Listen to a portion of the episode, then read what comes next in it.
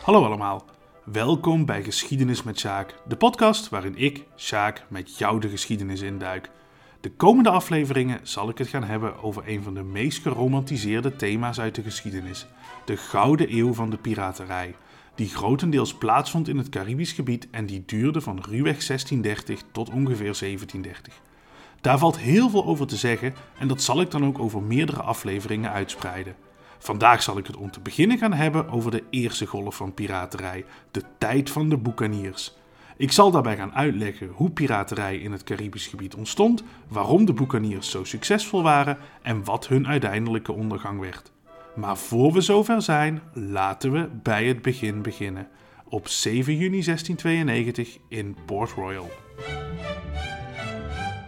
Laten we bij het begin beginnen is in deze eigenlijk niet helemaal juist. Want 7 juni 1692 is eerder een soort eindpunt uh, voor dit onderwerp. Want op die bewuste dag begon rond kwart voor twaalf in de middag de aarde te schudden. Een gigantische aardbeving van meer dan 7 op de schaal van Richter trof Jamaica. Het havenstadje Port Royal zonk binnen enkele minuten grotendeels een zee. En een tsunami verwoestte daarna ook nog eens een groot deel van de vloot die er voor anker lag. Van de 8000 inwoners van het stadje stierven er naar schatting 2000 tijdens de aardbeving zelf en nog vele anderen in de nasleep ervan. De verwoesting was gigantisch, maar lang niet iedereen treurde daarom. Want sommige inwoners van Jamaica die verklaarden dat ze getuigen waren geweest van Gods hand. Want hij zou de inwoners van Port Royal gestraft hebben voor hun misdaden. Want Port Royal was niet zomaar een stad, het was het centrum van de piraterij in de Cariben. De meest zondige stad ter wereld, zoals sommige tijdgenoten zeiden. En die kreeg nu gewoon zijn verdiende loon. De afschuwelijke tijd van piraten was voorbij. De zeeën waren weer veilig. Dat bleek een heel foute inschatting te zijn. Nou, zoals in de inleiding al gezegd, ik ga dit onderwerp over meerdere afleveringen uitspreiden. In deze aflevering staan, zoals gezegd, de boekaniers uh, centraal. En in de volgende ga ik het dan hebben over de Piratenrepubliek zoals die ontstond op de Bahama's. En als laatste zal ik een aflevering wijden aan het leven van misschien wel de meest beruchte piraat uit deze tijd, Zwartbaard. Maar goed, Even in zijn algemeen. Uh, piraterij aan zich, dat is een fenomeen dat van alle tijden is. Want piraterij is natuurlijk in essentie niet meer en niet minder dan het stelen van goederen of mensen op zee. Al dan niet met het gebruik van geweld. En dat bestaat dus al min of meer sinds de mens is begonnen met varen bekend voorbeeld, Julius Caesar bijvoorbeeld, is in zijn jonge jaren ooit een keer gevangen genomen door een stel piraten in de Egeïsche Zee. En ook tegenwoordig zijn er nog piraten. denk maar terug, enkele jaren geleden was er veel te doen over piraten die schepen aanvielen voor de kust van Somalië.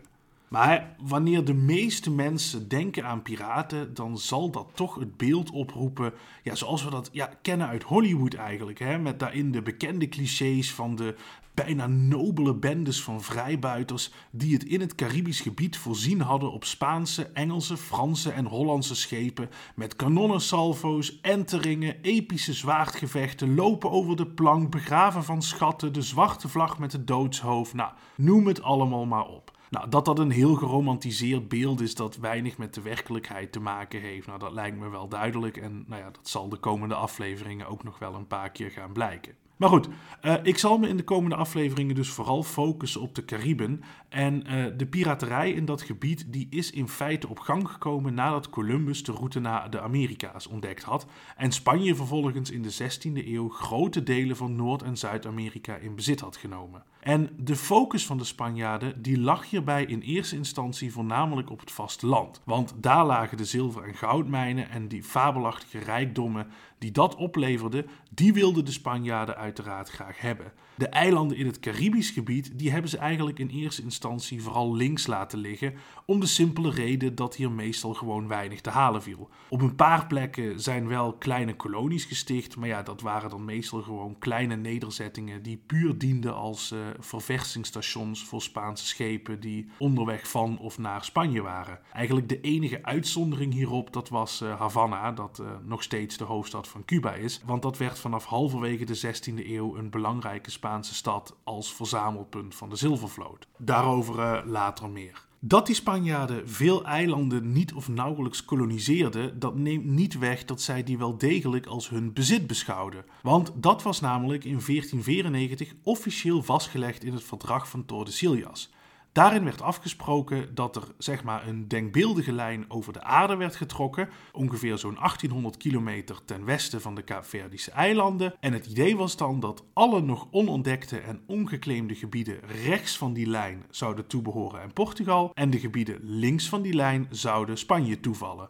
Een ja, wat curieus detail hierbij is trouwens dat een deel van Zuid-Amerika binnen de Portugese zone viel, namelijk het westen van het huidige Brazilië. En historici zijn er eigenlijk nog altijd niet helemaal over uit of dat nou toeval is of dat die Portugezen stiekem al de kusten van Brazilië uh, hadden ontdekt. Maar goed, in elk geval leidde het ertoe dat een deel van de nieuwe wereld dus aan Portugal uh, toeviel. En dit hele verhaal is ook de reden dat er op de dag van vandaag in heel Zuid-Amerika Spaans wordt gesproken, behalve in Brazilië, want daar is Portugees de hoofdtaal. Maar goed, uh, dit even terzijde. Dat verdrag van Tordesillas legde eigenlijk natuurlijk gewoon vast dat alleen Spanje en Portugal een claim hadden op de nieuwe wereld. De paus ondertekende het en daarmee leek de kous verder af. Alleen in de praktijk legden allerlei andere landen zich hier natuurlijk niet bij neer. Want ja, die kregen na het zien van de rijkdommen die Spanje binnenhaalde ook interesse in de nieuwe wereld. En dat was ook een beetje de eigen schuld van Spanje zelf, want dat had het aan haar koloniën verboden om te handelen met andere Europese landen, bang als ze waren dat die dan zouden profiteren van de rijkdom van de nieuwe wereld. Maar in de praktijk kwam het er dus op neer dat een koopman in, ik noem maar wat, een Spaanse stad in Mexico, Colombia, op Cuba geen handel mocht drijven met andere Europeanen, maar zijn spullen eigenlijk alleen mocht verkopen aan Spanje. Nou, logischerwijs leidde dit tot het ontstaan van een enorme smokkelhandel. En daarnaast gingen andere landen dan dus maar zelf op zoek naar plekken om nederzettingen te stichten, al was het maar als uitvalsbasis. Het vasteland dat was daarbij simpelweg een no-go, want dat was meestal veel te zwaar bewaakt. Al moet ik nu wel meteen zeggen, ik zeg dit zwaar bewaakt, uh, daar moet je je ook weer niet te veel bij voorstellen. Want het was namelijk ook voor Spanje in de praktijk bijna ondoenlijk om dat hele enorme gebied dat ze in bezit hadden genomen, of in ieder geval claimden in bezit te hebben, om dat serieus te verdedigen. Uh, in 1650 woonden in de Spaanse kolonies in de Amerika's zo'n 250.000 Spanjaarden, maar die woonden dus verspreid over een gebied dat zich uitstrekte van zo ongeveer het huidige zuiden van de Verenigde Staten, via Mexico en Midden-Amerika naar het noorden van Zuid-Amerika, dus hè, waar nu zo'n beetje Peru en Colombia liggen, en daarna verder in zuidelijke richting naar waar nu Chili en Argentinië liggen. En daar moet je dan ook nog eens uh, het tegenwoordige Florida, Cuba, Haiti, de Dominicaanse Republiek, nou in feite het hele Caribische gebied uh, bij optellen. 250.000 mensen, dat klinkt natuurlijk als een heel behoorlijk aantal. Maar ja, in zo'n enorm gebied valt dat per saldo dus eigenlijk wel mee. En Spanje zelf telde zo'n 7 miljoen inwoners, dus ja, heel veel meer dan die 250.000 kolonisten, dat zat er eigenlijk ook niet in. Nou, op uh, de Instagram en Facebook pagina van deze podcast vind je een kaartje van het Spaanse Rijk in de Nieuwe Wereld en dan uh, specifiek dat deel wat in de Cariben uh, lag. Maar goed, zoals ik nu heb uitgelegd, uh, die beveiliging viel in de praktijk wel mee. Maar dan nog was het vrijwel onmogelijk voor andere Europese landen om snel even een deel van de nieuwe wereld in te nemen, omdat ook zij daar helemaal niet de militaire en financiële mogelijkheden uh, voor hadden. Dus ja, hoewel het in feite misschien helemaal niet zo geweldig grandioos verdedigd was, dat gebied, was het in de praktijk zwaar genoeg verdedigd om het onmogelijk te maken voor andere Europese landen om dat gebied daadwerkelijk aan te vallen. En dus kwam het er in feite gewoon uiteindelijk op neer dat de enige plekken waar andere Europese landen reëel gezien kolonies konden vestigen, die gebieden waren die Spanje nog niet had ingenomen. En dat kwam dan neer op het deel dat ten noorden van Florida lag, dus zeg maar de huidige Verenigde Staten en Canada, en de eilanden in de Cariben die Spanje tot op dat moment uh, links had laten liggen. En je ziet dan ook dat in de eerste decennia van de 17e eeuw precies op die plekken Engeland, Frankrijk en de Republiek een aantal kolonies uh, stichten. En de Spanjaarden die konden daar op dat moment eigenlijk gewoon weinig aan doen. Uh, zoals ik net al zei, ze hadden daar simpelweg de middelen niet voor en ze waren zelf na tientallen jaren van oorlog op dat moment ernstig verzwakt. En daarnaast werden ze ook gewoon hierin beperkt door de technieken van die tijd. Uh, dit geldt natuurlijk niet alleen voor de Spanjaarden, maar dat geldt uh, voor alle landen die actief waren in de Cariben. Iedereen maakte gebruik van uiteraard zeilschepen. Um, Maar realiseer je natuurlijk goed, de naam zegt het al, een zeilschip uit de 17e of 16e eeuw, dat was volledig afhankelijk van de wind. En een tochtje van het ene naar het andere eiland, dat kon op papier of op de kaart misschien heel kort lijken, maar uh, men was volledig afhankelijk van de wind. Dus één zo'n tochtje kon vaak weken duren. Uh, en nu was het zo, van oost naar west reizen was in de Cariben relatief gemakkelijk vanwege de Passaat. De Passaat dat is een wind die eigenlijk vrijwel altijd in oostelijke richting waait. Um, maar dat betekende dus echter ook dat naar het westen varen een heel stuk lastiger was van, nou ja, ik noem maar wat, uh, Barbados naar Jamaica varen met een zeilschip, dat ging heel snel. Maar andersom was het een heel ander verhaal. Nou ja, stel je nou voor dat een kolonie in het oostelijk deel van de Cariben zou worden aangevallen, ja, eer dan een vloot vanuit het westelijk deel ter plekke zou zijn, dan waren vaak weken of maanden verstreken. Nou ja, wat ik hiermee wil zeggen, ook uit praktisch oogpunt, was het gewoon onmogelijk om dit gebied serieus uh, te verdedigen.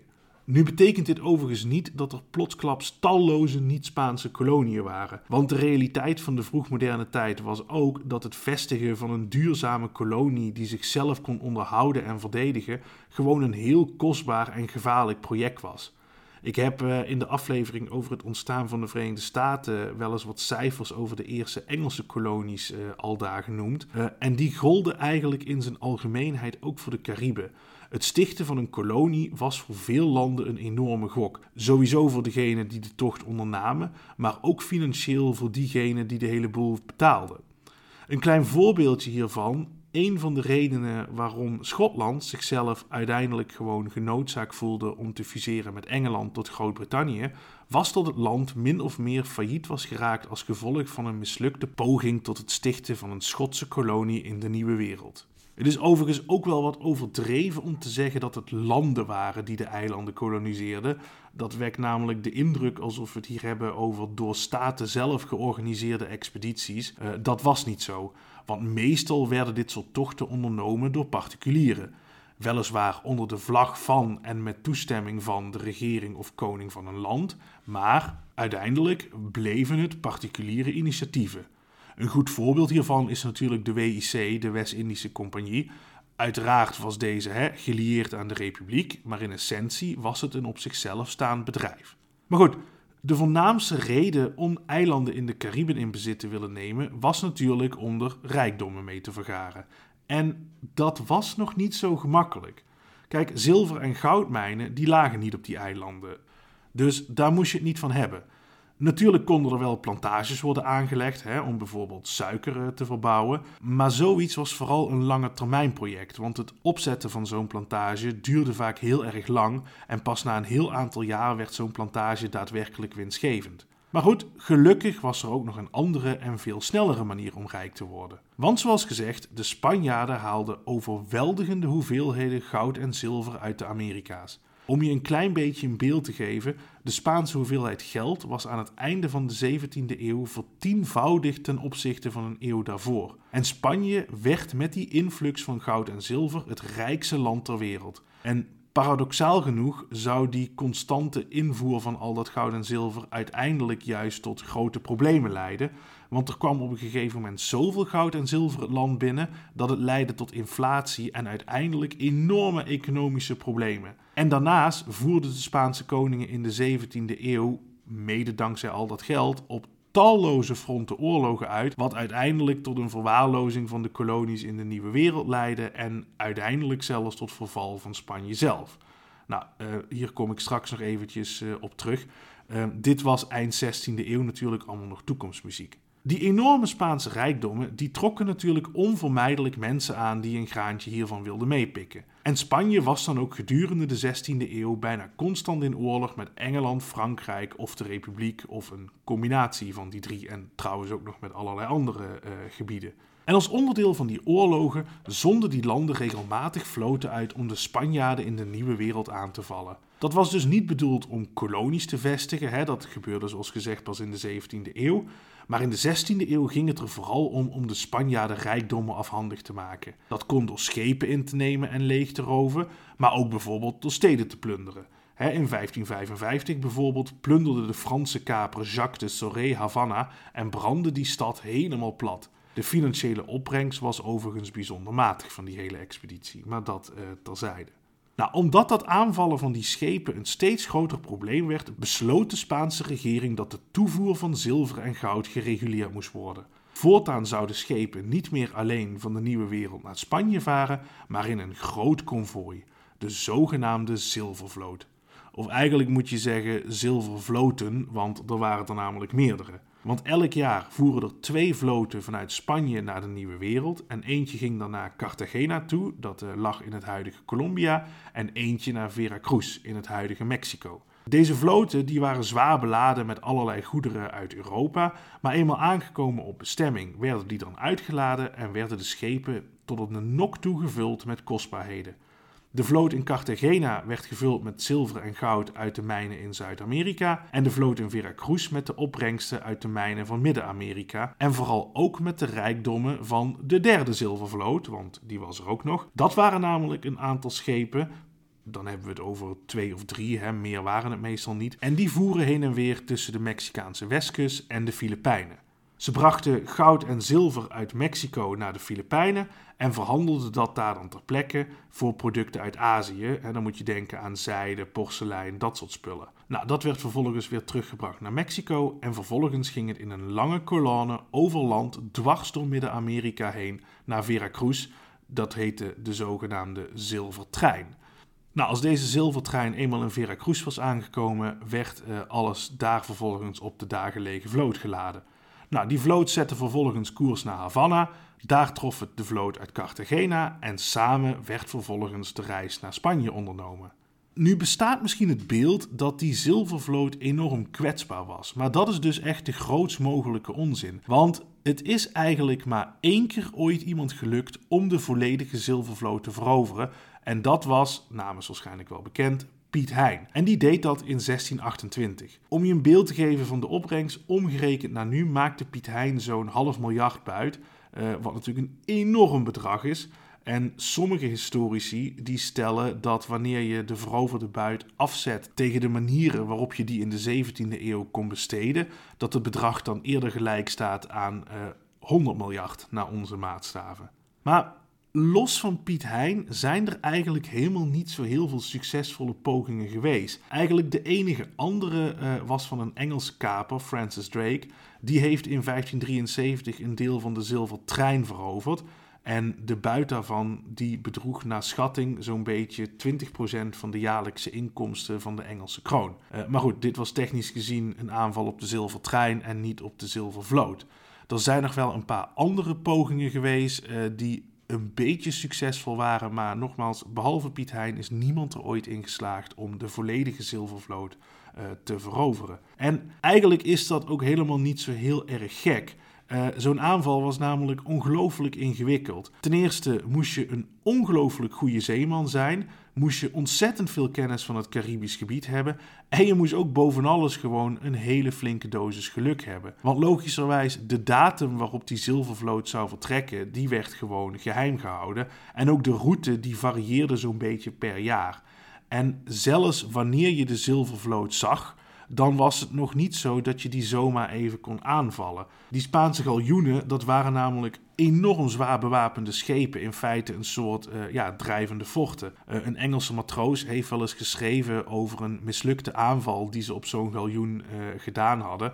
En hij beschrijft daarin dat ze met de kanonnen die zij op het Engelse schip hadden, nou ja, letterlijk niet eens een deuk in de boeg van het galjoen schoten. En dat het galjoen één keer heeft teruggeschoten, uh, waarbij het Engelse schip uh, min of meer bijna meteen uh, tot zinken werd gebracht. Dat geeft een aardig beeld van hoe lastig het was om zo'n galjoen aan te vallen. Laat staan dus een heel konvooi van galjoenen. Nou, een belangrijk detail in dit alles overigens, dat is dat Piet Hein, dat was een kaper. Hè? Piet Hein was geen piraat. En een kaper of piraat, uh, daar zit een verschil in. Ze doen in principe hetzelfde werk, namelijk het plunderen van schepen. Maar er is een heel belangrijk verschil. Want een kaper doet dat in principe legaal. Kapers die hadden namelijk een door de overheid of fors ondertekende brief bij zich, waarin stond dat zij het recht hadden om vijandelijke schepen aan te vallen. In oorlogstijd was dat in feite dus eigenlijk een vorm van particuliere oorlogsvoering. Hè?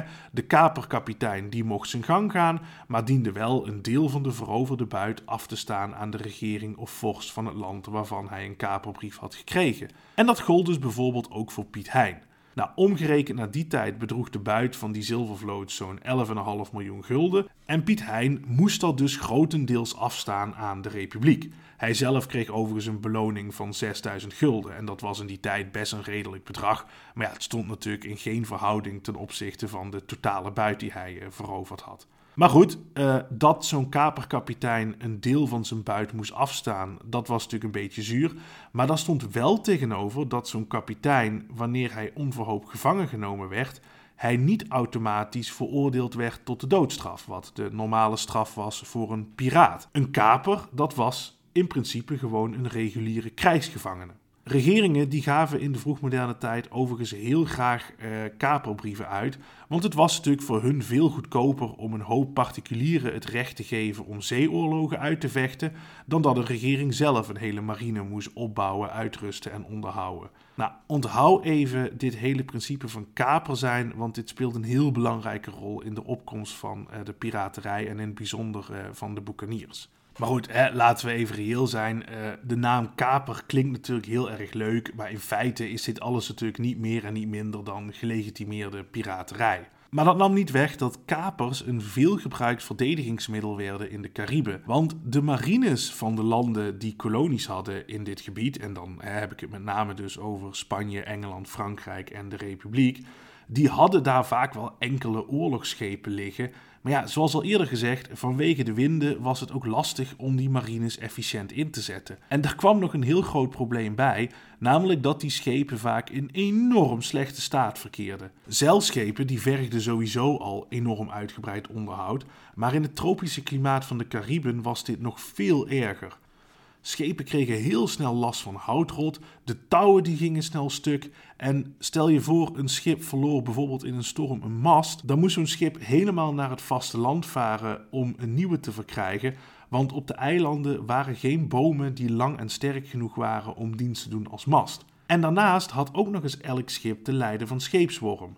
Nou, dat was eigenlijk een verzamelnaam voor allerlei schelpdieren die zich in het hout van het schip boorden en daar vervolgens eitjes legden. Die larven daarvan die voeden zich vervolgens met dat hout en maakten daarmee dus duizenden kleine gaatjes in de boeg van een schip. En uiteindelijk leidde dat natuurlijk tot lekkages of in sommige gevallen zelfs het zinken van een schip. En daarom moest het deel van het schip dat onder water lag eigenlijk elke drie maanden worden schoongemaakt. Nou, dat was natuurlijk een gigantisch zware klus, want daarbij moest je eerst de hele lading van een schip verwijderen.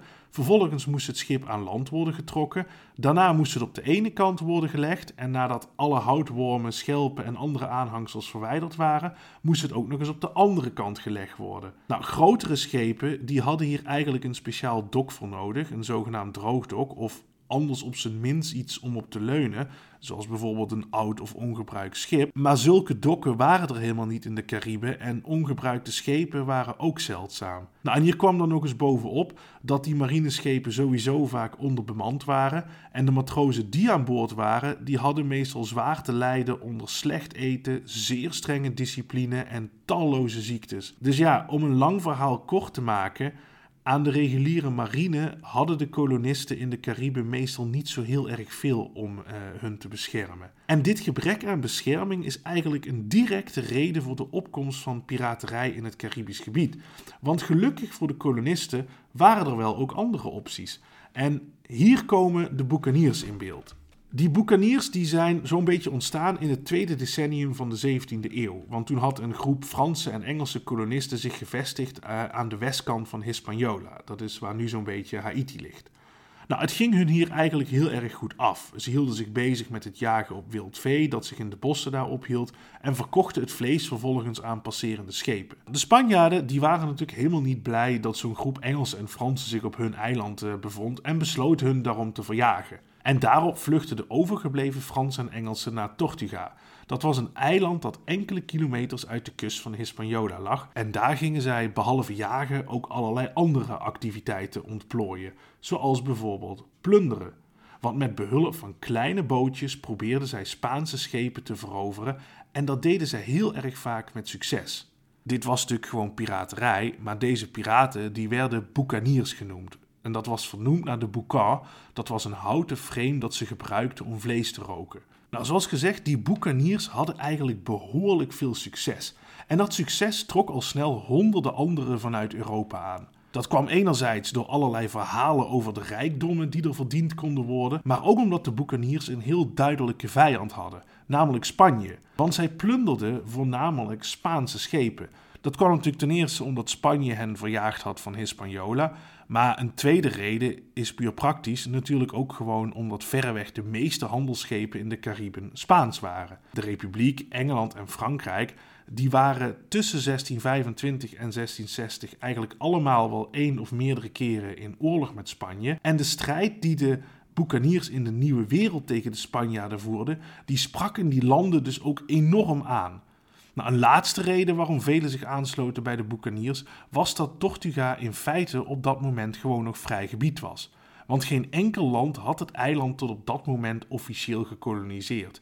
Ja, goed. De Spanjaarden claimden het natuurlijk als onderdeel van het verdrag van Tordesillas, maar ze hadden eigenlijk geen enkele poging ondernomen om daar ook daadwerkelijk nederzettingen uh, te stichten. Doordat mensen van allerlei achtergronden en uit allerlei landen naar Tortuga kwamen, werd het een smeltkroes van nationaliteiten, hoewel de meerderheid wel gewoon Engels of Frans bleef. Ze noemden zichzelf de Broederschap van de Kust. Maar goed, zoals gezegd, hè, wij kennen ze onder de naam uh, boekaniers. Het is overigens wel goed om te weten dat die boekaniers, uh, dat was natuurlijk geen duidelijk herkenbare afgesloten groep. Hè. De boekaniers bestonden niet.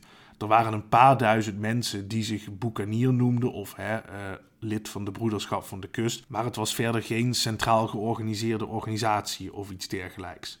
De Spanjaarden die waren uiteraard niet blij met de aanwezigheid van die piratenkolonie, zoals zij het zagen, aan de noordkant van hun eiland. En in 1638 ondernamen ze daarom een verrassingsaanval en brandden de nederzettingen van de boekaniers volledig plat. Maar ja, ze lieten vervolgens geen garnizoen achter en daardoor konden de eilandbewoners eigenlijk weer heel snel terugkomen en hun oude plunderleventje weer oppakken. Drie jaar later kwam er dan toch echt een einde aan het paradijs van de boekaniers want in 1641 veroverde de Franse Tortuga. En als gevolg hiervan werden alle Engelse boekaniers gedwongen om het eiland en de westkust van Hispaniola te verlaten. Daarmee kwam er een einde aan de zelfstandigheid van de boekaniers en ook aan de samenwerking tussen de Franse en Engelse boekaniers. Maar de boekaniers aan zich hielden niet op te bestaan. Want de Fransen hadden natuurlijk nu een uitgelezen gelegenheid om uh, die piraten te dwingen om een vreedzamer bestaan te gaan leiden. Maar dat deden ze niet en dat waren ze ook helemaal niet van plan. Ze vonden het zelfs gewoon prima dat die boekaniers doorgingen met kapen. En de Engelse boekaniers die weggestuurd werden, die werden met open armen verwelkomd door andere Engelse kolonies. Want realiseer je goed, die boekaniers die konden enorme voordelen bieden. Ten eerste waren hun plunderactiviteiten enorm winstgevend. De buit die werd namelijk verhandeld in de Engelse en Franse kolonies. Vergeet niet, de Spaanse koloniën die handelden nog steeds niet met Engelse of Franse kolonisten, dus via de boekaniers konden kooplieden zo toch aan spullen komen om te verhandelen. En ten tweede, en misschien nog wel belangrijker, vormden die boekaniers in feite een soort extra verdediging en een extra leger dat ingezet kon worden tegen de Spanjaarden. Want zoals hiervoor al gezegd, de verdediging door marineschepen, die was vaak bijzonder zwak. En die nieuwe rol van de boekaniers die bleek al snel. In 1655 waren Engelse boekaniers betrokken bij de Engelse verovering van Jamaica, waarbij ze een eskader marineschepen ondersteunden. Nou, dat werd een groot succes. Het eiland werd veroverd, maar na afloop was van de Engelse invasievloot van de Royal Navy nog maar een derde van de schepen over. En een Spaanse tegenaanval die lag dan ook op de loer. En dus nam de Engelse gouverneur een drastische maatregel. Want hij besloot om een deal te sluiten met de Buccaneers.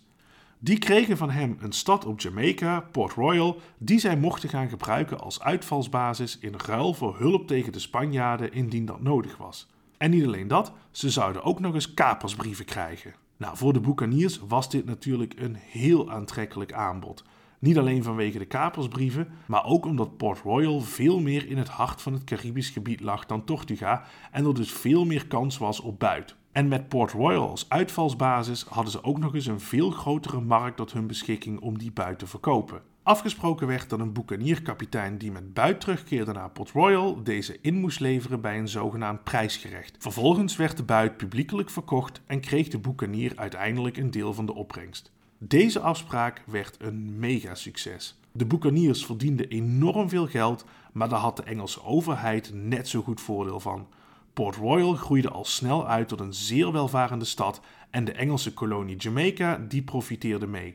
En de Spanjaarden die waren zo druk met het beveiligen van hun handelsroutes dat het niet bij ze opkwam om Jamaica te gaan heroveren. Goed, natuurlijk zaten er ook een paar nadelen aan deze constructie, want het was natuurlijk nooit 100% zeker of die boekaniers in geval van een Spaanse aanval ook zouden gaan helpen met de verdediging van het eiland. En daarnaast zagen de boekaniers ook wel eens Engelse handelsschepen aan voor Spaanse, al dan niet per ongeluk expres. Maar in het algemeen wogen die nadelen niet op tegen de voordelen. Nou, de periode tussen 1660 en 1680 zijn de hoogtijdagen van de boekaniers. En daar zijn talloze voorbeelden van. Hun aantallen in deze periode waren bijvoorbeeld dusdanig groot dat verschillende Spaanse steden in het Caribisch gebied geld betaalden om vrij te blijven van aanvallen. En ook tekenend is het verhaal van de Nederlandse boekanier Edward Mansveld, die een nieuw Tortuga wilde stichten en daarom een Spaans eiland voor de kust van Mexico veroverde. Goed, dat hield allemaal geen stand, maar het feit dat Mansveld hier überhaupt toe in staat was, zegt heel erg veel. Opvallend detail in dit verhaal is trouwens dat de tweede man van Mansveld iemand was die in later tijden zou uitgroeien tot de bekendste boekanier aller tijden, namelijk Henry Morgan. Morgan was een Brit van Welsche afkomst en die zou op een gegeven moment een vloot van niet minder dan 37 schepen en 2000 boekaniers onder zich hebben. En daarmee plunderde hij onder andere de belangrijke Spaanse steden Panama, Portobello en Maracaibo. Dat Henry Morgan als een absolute held werd beschouwd, blijkt wel uit het feit dat hij uiteindelijk door de Engelse kroon geridderd is en later benoemd werd tot ondergouverneur van Jamaica. Ook wisten de boekaniers zich in deze tijd te vestigen aan de Muskietenkust in Centraal-Amerika. Daar handelden ze in hardhout, maar het vormde ook een uitvalsbasis. Want langs deze weg wisten ze uiteindelijk de oversteek te maken naar de Pacific. De Spaanse steden die daar lagen, die werden veel slechter verdedigd en dus konden naar hartelust geplunderd worden. Alleen al tussen 1685 en 1687 werden zeven kustplaatsen in Peru geplunderd door boekaniers. Het is overigens niet zo dat in deze hele periode Engeland en Frankrijk in oorlog waren met Spanje, uh, verre van dat zelfs. Maar in die tijd gold in de gehele nieuwe wereld het no peace beyond the line principe. En dat houdt dus in geen vrede na de lijn. En met die lijn wordt de denkbeeldige lijn van het verdrag van Tordesillas bedoeld. Het komt er eigenlijk op neer dat verdragen die in Europa golden geen waarde hadden in de nieuwe wereld. Engeland mocht dan bijvoorbeeld in Europa misschien in vrede leven met Spanje. In het Caribisch gebied gold dat niet en mocht men naar hartelus elkaar aanvallen. Het was geen officiële afspraak dit, maar meer een soort ongeschreven regel. En een van de redenen voor het bestaan van deze hele afspraak was overigens weer de aanwezigheid van die boekaniers. Want ja, die boekaniers moesten natuurlijk wel mogelijkheden tot buit hebben. Als ze geen Spaanse schepen mochten aanvallen, ja, dan was er weinig te verdienen. En dat was dan ook weer nadelig voor bijvoorbeeld de Engelse kolonie Jamaica of voor andere Engelse en Franse kolonies. Niet alleen vielen er namelijk inkomsten weg, maar de boekaniers konden ook zomaar besluiten om niet langer te helpen met de verdediging van Jamaica of andere eilanden. Nou, mocht zo'n aanval op zo'n eiland er overigens komen, dan moest het besluit tot verdedigen wel in algemene overeenstemming genomen worden. Want aan boord van een boekanierschip leefde men volgens strikte afspraken. En de belangrijkste regel was geen buit, geen betaling. Indien er echter wel een prijs was gepakt, dan werd alle buit in een soort algemene ruimte bewaard en aan het einde van de reis eerlijk naar rang verdeeld. Ook was het zo dat sommige boekanierschepen een eigen ziektewet hadden. Uit een overgebleven reglement van zo'n schip weten we bijvoorbeeld dat aan boord van dat specifieke schip het verlies van een rechterarm tijdens de strijd werd gecompenseerd met ofwel 600 goudstukken ofwel 6 tot slaafgemaakte. En het verlies van een vinger, dat leverde je 100 goudstukken of 1 tot slaafgemaakte op. Op sommige schepen werkte men op basis van pure gelijkheid. En dat betekende dus ook dat in principe de kapitein gelijk was aan de bemanning. Behalve tijdens gevechtssituaties, want dan was het bevel van een kapitein natuurlijk bindend. Maar een bemanning kon dan ook, indien men dit wenste, de kapitein wegsturen. En dit deed men simpelweg door een stemming te organiseren. Het is daadwerkelijk een aantal keer voorgekomen dat een kapitein op die manier zijn schip kwijtraakte. In een volgende aflevering uh, kom ik op zo'n voorval uh, terug. Nou, je kunt je natuurlijk wel voorstellen, dit uh, beeld van een bijna democratische vorm van samenwerken tussen die boekaniers heeft enorm bijgedragen in de beeldvorming over de boekaniers en eigenlijk over piraten in het algemeen uit deze periode. Feit is echter wel dat het lastig blijft om in te schatten in hoeverre dit alles nu echt gangbaar was, want er zijn ook genoeg voorbeelden van het tegendeel. Boekenierskapitein Nicolaas van Hoorn bijvoorbeeld, afkomstig uit de Republiek, die bestuurde zijn schip met dusdanig harde hand dat een deel van zijn bemanning bij de eerste de beste gelegenheid deserteerde. En Henry Morgan, de beroemdste slash beruchtste boekanier, die is er meerdere malen door zijn eigen bemanning van beschuldigd dat hij de buit niet eerlijk verdeelde. En hij zou zelfs een keer een deel van zijn bemanning gewoon ergens achter hebben gelaten om er zelf met de rijkdommen van door te gaan. Nou, de impact van die boekaniers die laat zich heel lastig in cijfers vatten. Hun voornaamste activiteit dat was het plunderen van schepen, maar dat moet ook niet overdreven worden. In die zin dat de slachtoffers daarvan, dat waren meestal kleine handelsbootjes en vlootjes. Over het algemeen bedroeg de buit dan ook niet meer dan wat handelswaar. Dit is natuurlijk verder ook logisch, want kleine schepen die vervoerden meestal geen grote bedragen aan geld of goud, want dat werd gedaan door galjoenen. En die waren veel te sterk voor de schepen van de boekaniers. Een aanval op de zilvervloot hebben ze bijvoorbeeld ook nooit ondernomen. En nou ja, dat was ook heel erg verstandig. En ook prima natuurlijk, want een heleboel afzonderlijk kleine handelsschepen met een lading van handelsgoederen kon uiteindelijk net zoveel opleveren als een groot schip waarin een behoorlijke hoeveelheid goud zat. Nou, uiteindelijk kwam er in de jaren 90 van de 17e eeuw een einde aan het tijdperk van de boekaniers en de kapers. En dat zat er op dat moment eigenlijk al wel een tijdje aan te komen. In 1670 bijvoorbeeld hadden Engeland en Frankrijk een verdrag gesloten waarin van beide kanten de intentie werd uitgesproken om vrede in de Cariben te sluiten en een einde te maken aan de boekanieroorlogen. Nou, dit hele plan mislukte, want de boekaniers die zaten midden in hun hoogtijdagen en de Engelse marine was niet bij machten om hier verder veel aan te doen. Maar belangrijker op de lange termijn was eigenlijk dat Spanje in dit verdrag de Engelse koloniën in de Cariben erkende en toestond dat er handel werd gedreven met Spaanse koloniën. En later deden ze dit ook met de Franse koloniën. En dit is in die zin belangrijk dat daarmee een van de redenen voor kaapvaart wegviel. Nou, in de laatste twee decennia van de 17e eeuw werd de situatie echt anders. Frankrijk, Engeland en de Republiek die hadden hun gebieden in de Cariben nu echt stevig in handen en steeds vaker werden er vanuit de moederlanden legers en vloten uitgezonden om de kolonies te beschermen. En daar kwam nog bij dat de Spaanse bedreiging eigenlijk langzaam een beetje begon weg te vallen. Kijk, Spanje was natuurlijk een eeuw lang de grote vijand geweest, omdat het natuurlijk al die tijd het machtigst was geweest in de Cariben. En om die reden hadden de Fransen, de Engelsen en in iets mindere mate de Republiek in de Cariben decennia lang samengewerkt in een alliantie tegen de Spanjaarden om zo hun eigen koloniën te beschermen. Maar die noodzaak om samen te werken die viel langzaam weg. Want Spanje was eind 17e eeuw dusdanig verzwakt dat het eigenlijk geen bedreiging meer vormde. En toen in 1688 in Europa de negenjarige oorlog uitbrak, kwam een einde aan de Frans-Engelse samenwerking. Engeland koos de kant van Spanje en kwam zo in oorlog met Frankrijk. En door al deze ontwikkelingen bij elkaar werd de noodzaak om kaapvaart te stimuleren vanuit regeringen en vorsten eigenlijk steeds minder. Want de nadelen van het verbond met de boekaniers die begonnen ook steeds zwaarder te wegen.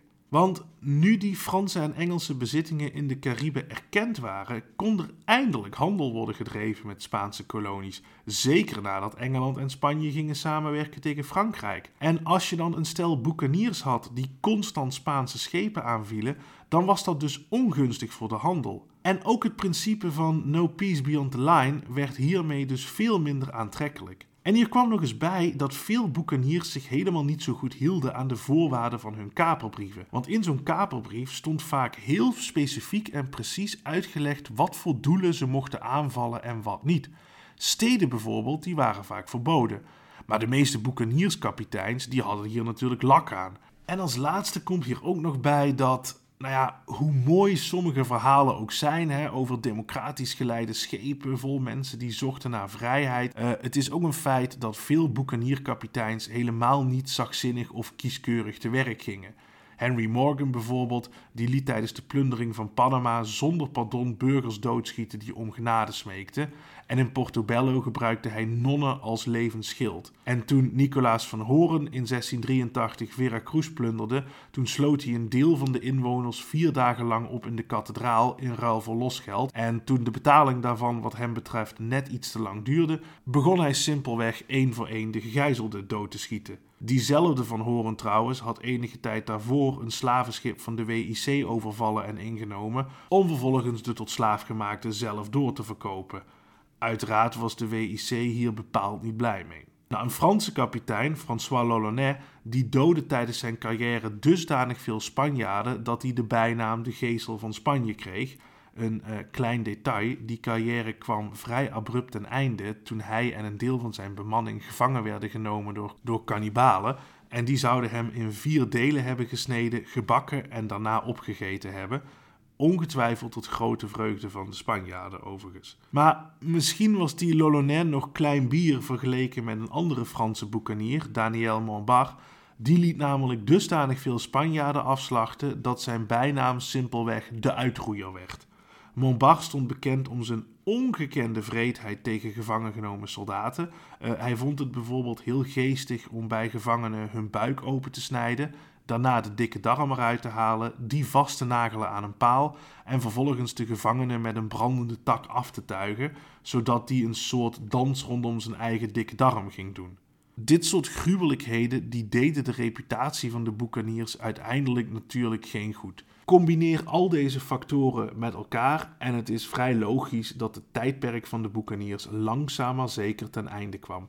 In 1687 kondigde de Engelse koning James II aan dat iedere boekanier uit zichzelf kon stoppen en een eerzaam beroep kon zoeken. Zo niet, dan volgde de galg. Vijf jaar later werd, zoals in het begin gezegd, Port Royal volledig vernietigd, waarmee de boekaniers in één klap hun belangrijkste uitvalsbasis kwijtraken.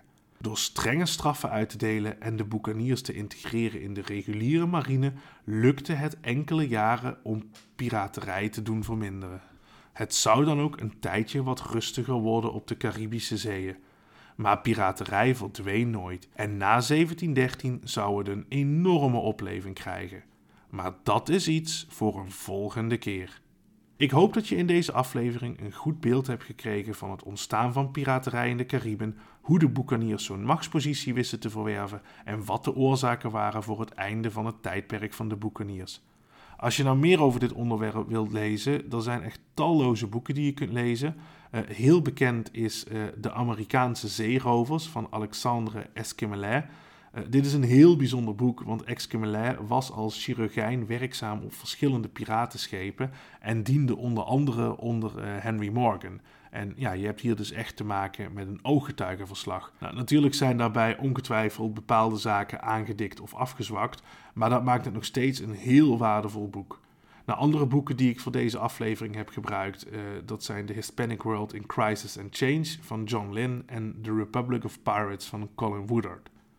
Goed, daarmee zijn we aan het einde gekomen van deze aflevering. Heel veel dank voor het luisteren en vond je dit een leuke aflevering? Vergeet dan niet je te abonneren.